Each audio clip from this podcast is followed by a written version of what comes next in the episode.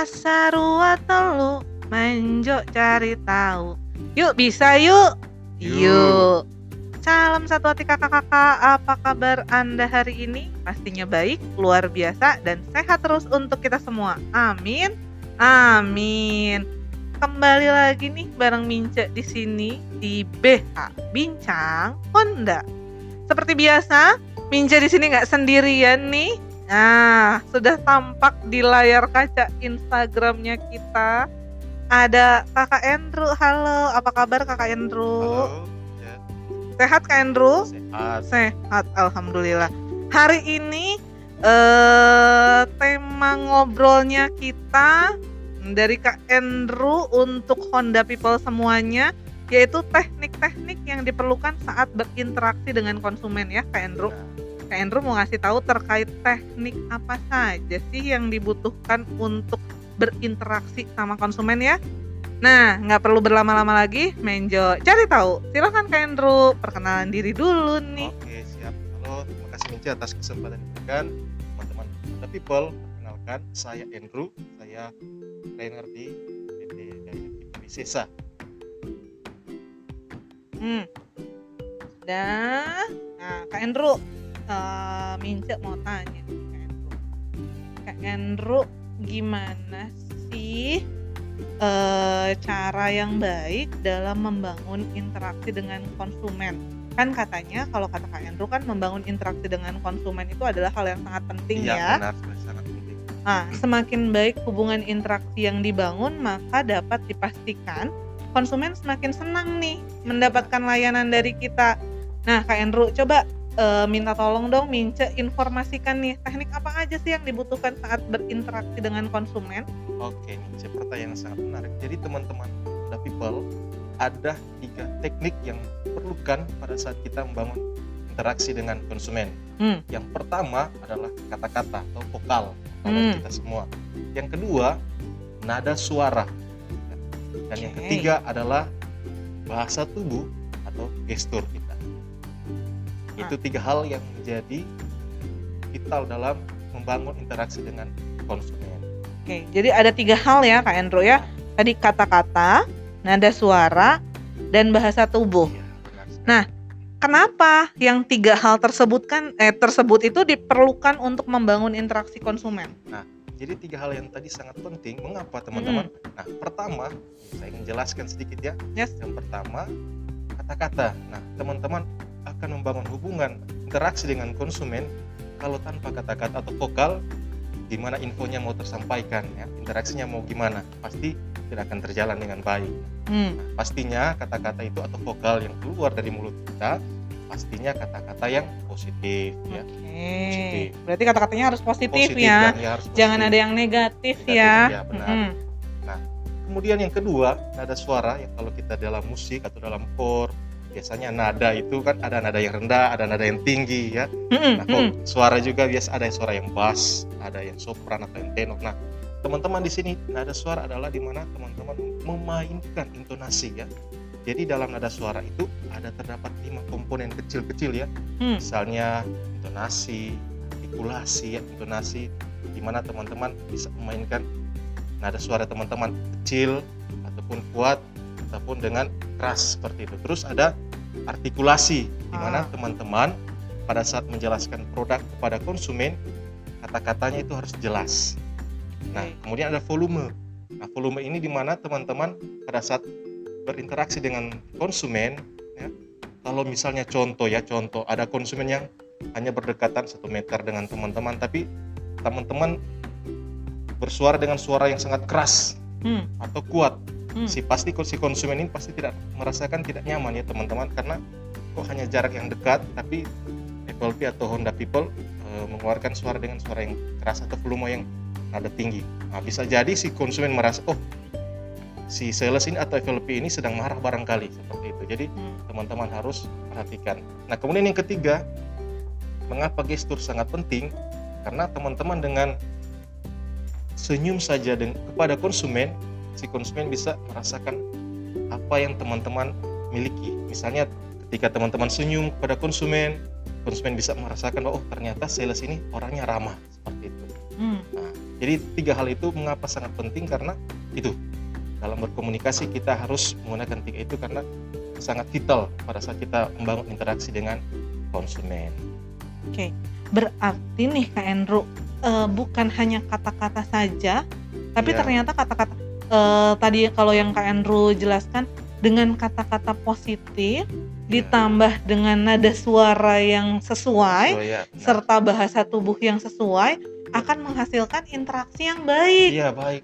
dengan Iya. konsumen. Iya pasti. Jadi walaupun kata-katanya contoh misalkan kata-katanya positif tapi nada suaranya tidak sesuai, Iya. betul. maka bisa jadi miskomunikasi ya Bisa, Kak Andrew ya. ya, contohnya eh, kalau misalnya ada kesalahan, Ah. ya, misalnya kesalahan, terus si sales mengatakan, oh pak minta maaf, Nah, Hmm, dengan gestur yang mimik wajah yang yang ramah, yes. ya mungkin ada sedikit membungkuk dan terus nada suaranya dipelankan atau dikecilkan. Minta Hmm. maaf pak, mungkin ada kesalahan.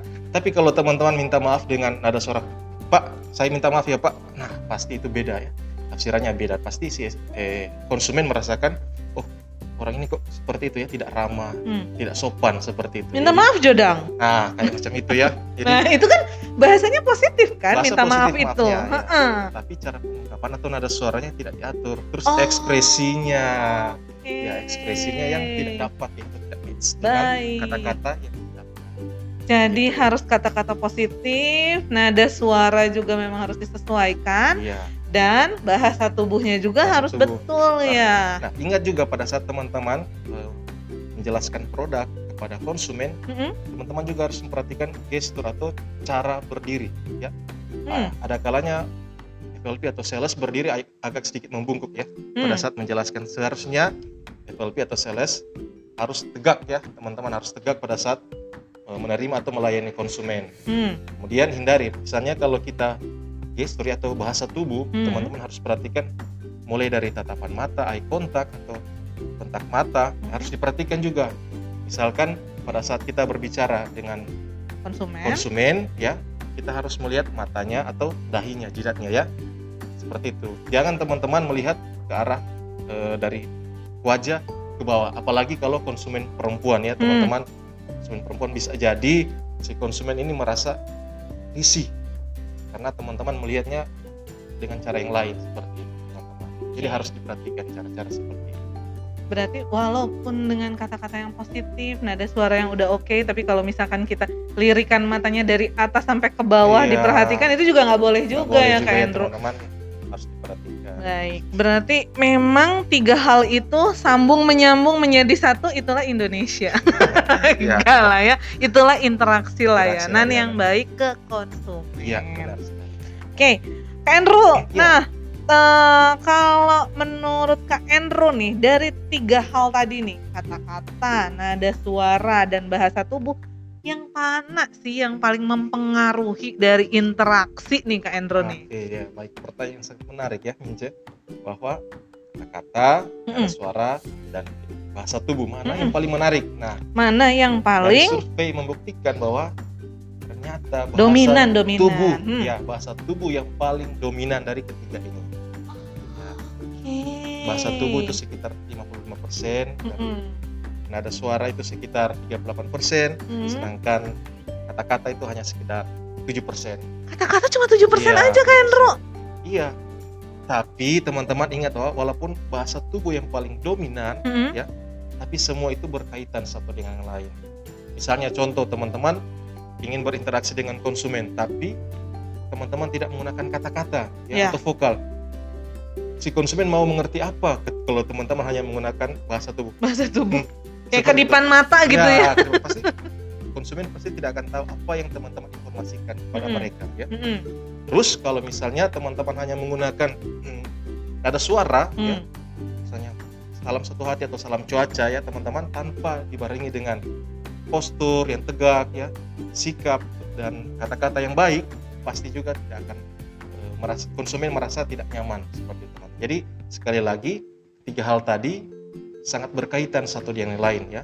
Tanpa ada satu pun saat yang yang lain tuh merasa merasa kurang. Jadi kata-kata, nada suara dan bahasa tubuh itu saling berkaitan walaupun yang paling dominan adalah bahasa tubuh. Karena teman-teman tersenyum saja itu sudah berinteraksi dengan konsumen. Tersenyum konsumen, konsumen pasti akan merasa "Ih, si sales ini ternyata ramah, ramah, ya ramah. walaupun nggak nggak mengucapkan Salam, iya benar jadi sekarang tuh jangan cuma ngomong aja ya ya jangan cuma nanya ya udah makan atau belum yang gitu dikirimin langsung ya Siap. Kan satu langsung Siap, action ya siap. kak Andrew ya ya siap.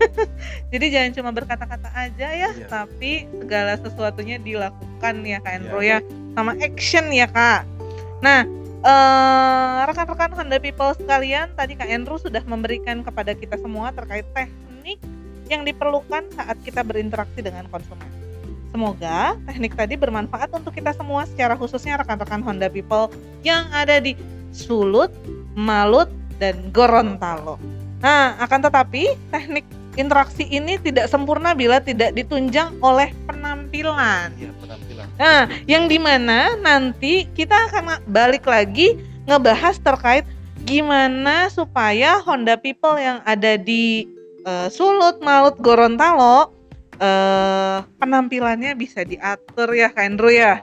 Eh, tunggu pet- podcast kita selanjutnya dan tunggu live kita selanjutnya. Eh, terima kasih untuk kakak-kakak semua eh, sudah mendengarkan podcast dan live kita hari ini. Minca pamit undur, undur diri. Saya juga pamit undur diri Ah, terima kasih kakak-kakak semuanya. Astarua telu, nanjok cari tahu. Yuk bisa yuk. yuk Yuk. Dadah.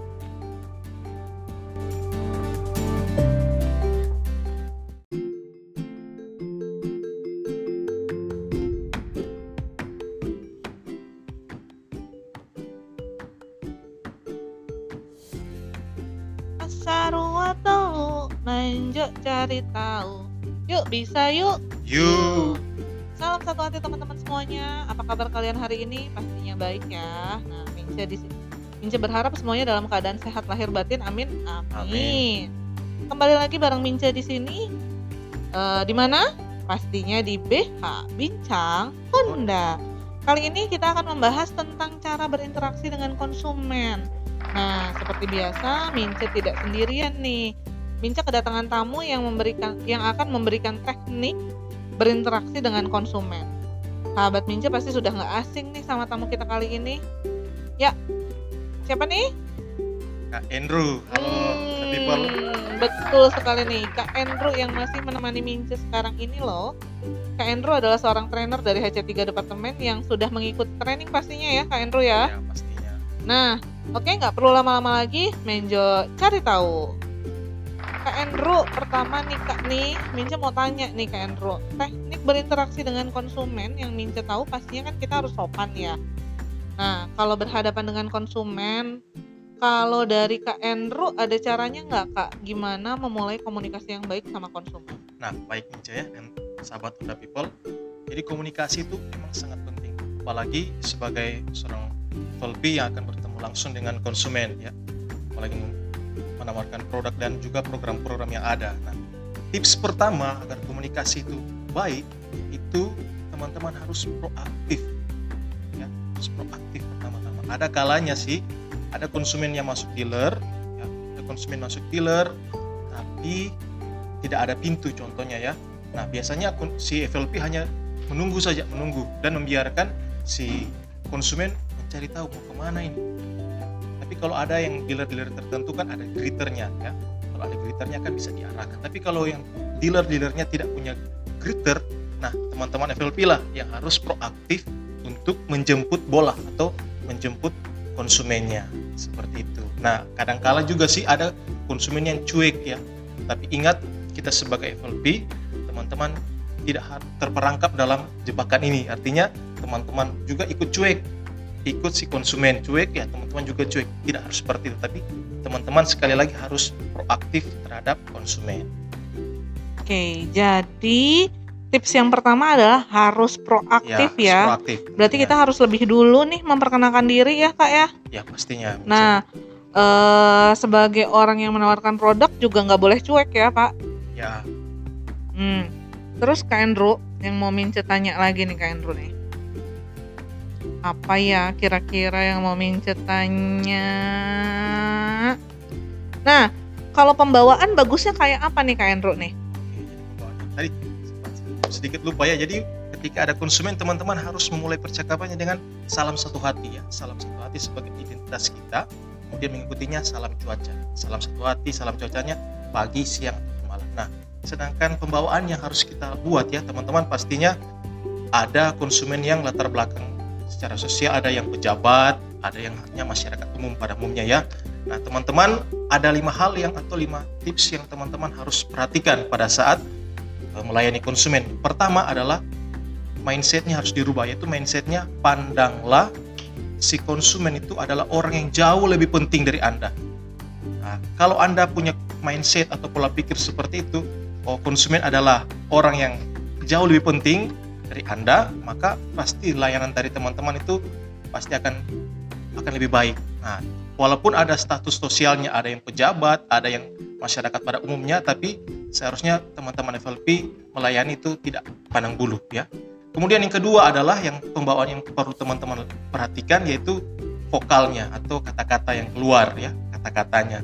Terus ketiga, perhatikan ada suaranya ya, ada intonasinya, ada volumenya di sana. Teman-teman perhatikan.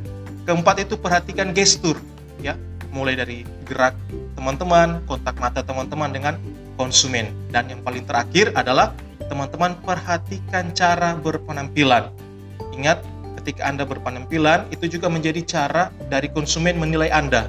Kalau Anda berpenampilan baik ya, rambutnya, mejanya, celananya tidak pakai celana sobek-sobek, nah teman-teman pasti akan mendapat nilai khusus dari si konsumen ya, si nilai khusus dari si konsumen. Jadi itu lima hal yang harus menjadi pembawaan dari teman-teman pada saat melayani konsumen entahkah di dealer ataupun di lapangan contohnya seperti hmm. itu. Jadi kalau misalkan harus uh, kita udah berhadapan sama konsumen, kita harus punya pikiran bahwa dia itu penting untuk kita ya, bukan ya. yang kita yang dibutuhkan sama konsumen, tapi kita yang butuh ke konsumen. Ya. Nah, terus kalau berkomunikasi dengan konsumen harus menggunakan kata-kata yang baik. Kata-kata yang baik, kata-kata positif. Hmm, di mana nada suara juga diperhatikan ya kak ya. ya Nggak kalah dong. penting juga ada gestur nih. Ya. Dan Terakhir adalah cara kita berpenampilan ya. Iya, Makanya benar. kenapa kalau di training One Heart with Care nih sudah ada yang namanya standar pelayanan. Iya, pasti ada standar pelayanannya. Hmm, oke. Okay. Berarti udah nggak boleh lagi nih pakai jeans jeans robek-robek ya, ya. apalagi pakai celana legging mau dipakai bobo ini pakai kerja ya. Jadi harus teman-teman Evoli perhatikan penampilan ya teman-teman sangat penting. Oke. Okay. Nah, uh, berarti pikiran juga gimana kak? pikirnya atau mindset kita uh -uh. kita harus ubah jadi si konsumen itu adalah orang yang jauh lebih penting penting artinya kita juga membutuhkan konsumen dan kalau kita menganggap orang itu jauh lebih penting dari kita pasti dengan sendirinya kita akan melayani orang itu dengan sebaik mungkin sebaik hmm, mungkin seperti okay. itu sih dan kita juga harus punya pikiran yang positif ya kak ya iya pastinya sebagai seorang FLP harus punya pikiran yang positif oke okay. Nah, nih Kak, hal apa saja sih Kak yang bisa langsung disampaikan ke konsumen? Ah, jadi biasanya sih eh, Mince dan sahabat Honda People biasanya FLP langsung masuk pada saat ada konsumen masuk dealer biasanya konsumen tanya Pak, contohnya Pak Andi atau mungkin ada sudah kenal Pak Andi bisa tanya kalau VCX 160 di dealer ini berapa ya? Terus apa spesifikasinya? Nah, biasanya konsumen langsung masuk pada penjualan. Tapi FLP jangan terjebak lagi dalam hal seperti ini. Artinya teman-teman FLP pertama-tama bertanya kepada konsumen. Tanyanya, Pak, kalau boleh tahu motor PCX-nya ini akan dipakai oleh siapa? Ya, teman-teman cari tahu dulu siapa yang akan gunakan motor PCX. Ya. Nah, di situ teman-teman mencoba untuk membangun interaksi atau komunikasi dengan si konsumen. Terus yang kedua, ya, ketika teman-teman sudah tahu siapa yang akan gunakan anaknya, istrinya, keponakannya ya dan lain-lainnya, teman-teman cari tahu. Nah, bila sudah tahu, teman-teman bisa menjelaskan terkait dengan spesifikasi motor. Tapi ingat, tidak perlu menjelaskan segala-galanya, tidak perlu menjelaskan semuanya. Nah, teman-teman selain menjelaskan spesifikasi motor, teman-teman juga wajib menerangkan kepada konsumen terkait dengan program-program yang ada. Ya. Contohnya, Pak Andi, selamat datang saya bantu kami selama minggu ini ada program khusus Pak kalau nanti Bapak akan saya jelaskan Pak program-programnya bisa minta waktu 15 menit atau 5 menit menjelaskan produk-produk atau menjelaskan program yang ada. Contohnya misalnya program terkait ada promo barangkali dan lain-lain sebagainya. Seperti itu. Jadi ingat bahwa jangan langsung masuk pada penjualan atau langsung masuk oh pak motor PCX ini sekian pak harganya. Spesifikasinya ini ini pak. Tapi cari tahu dulu siapa yang akan gunakan sepeda motor ini.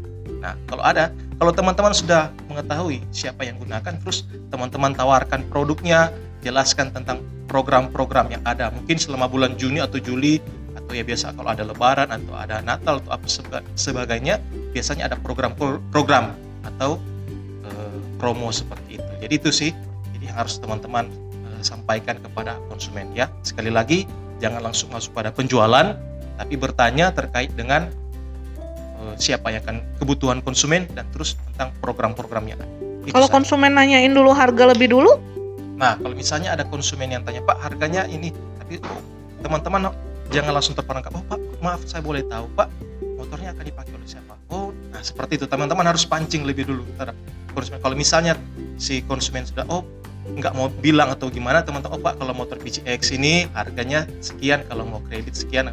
Tapi teman-teman ingat, jadi jangan langsung masuk ke situ, ya.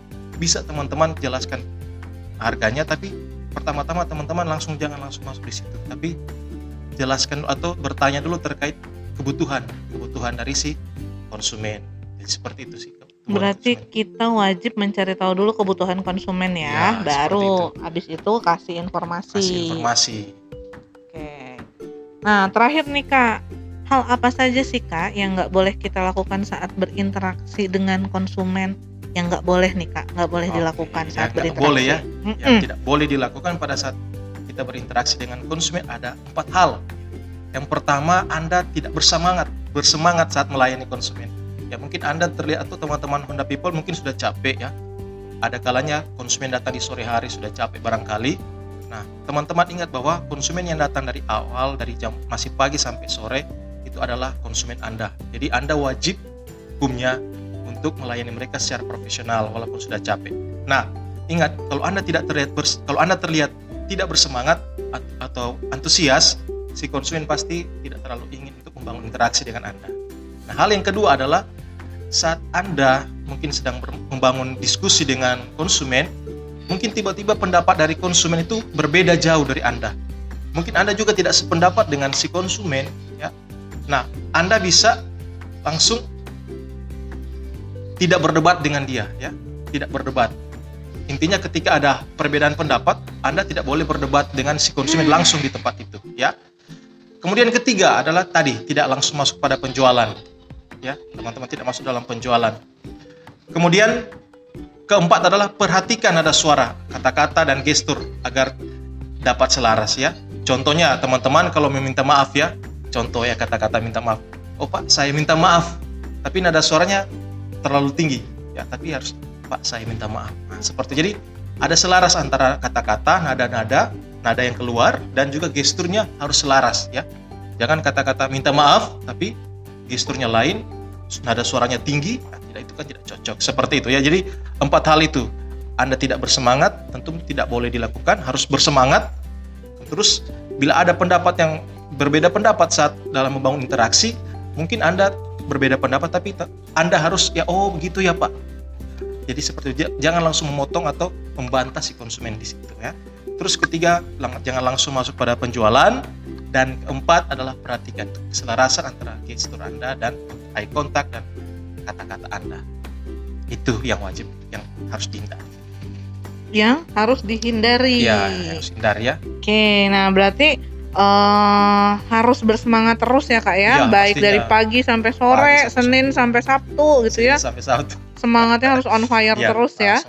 Nah, terus yang pastinya jangan langsung membahas tentang jualan, ya. tapi juga kita kayak harus menggali kebutuhan ya kak ya, ya supaya maksudnya ya uh, menyamakan frekuensi dengan konsumen gitu ya. Kata -kata terus ngobrol biasa tapi perhatian uh, apa namanya ada perhatian hmm. ke konsumennya juga ya. Iya. Nah. bisa cerita-cerita mungkin teman-teman FLP bisa uh, kaitkan dengan mungkin mungkin ada euro ya mungkin ada konsumen yang tertarik tentang bola teman-teman juga bisa pancing cerita tentang itu ya.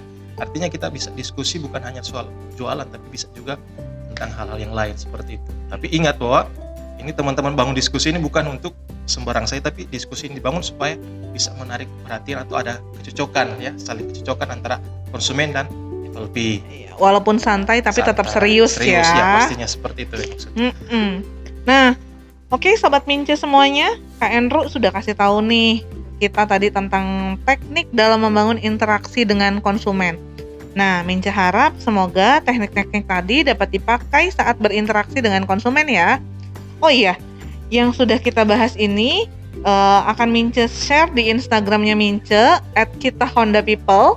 Jadi buat teman-teman yang suka buka Instagram bisa langsung cek postingan Mince di sini ada banyak tips and trick buat kalian dan ada giveaway-nya juga loh.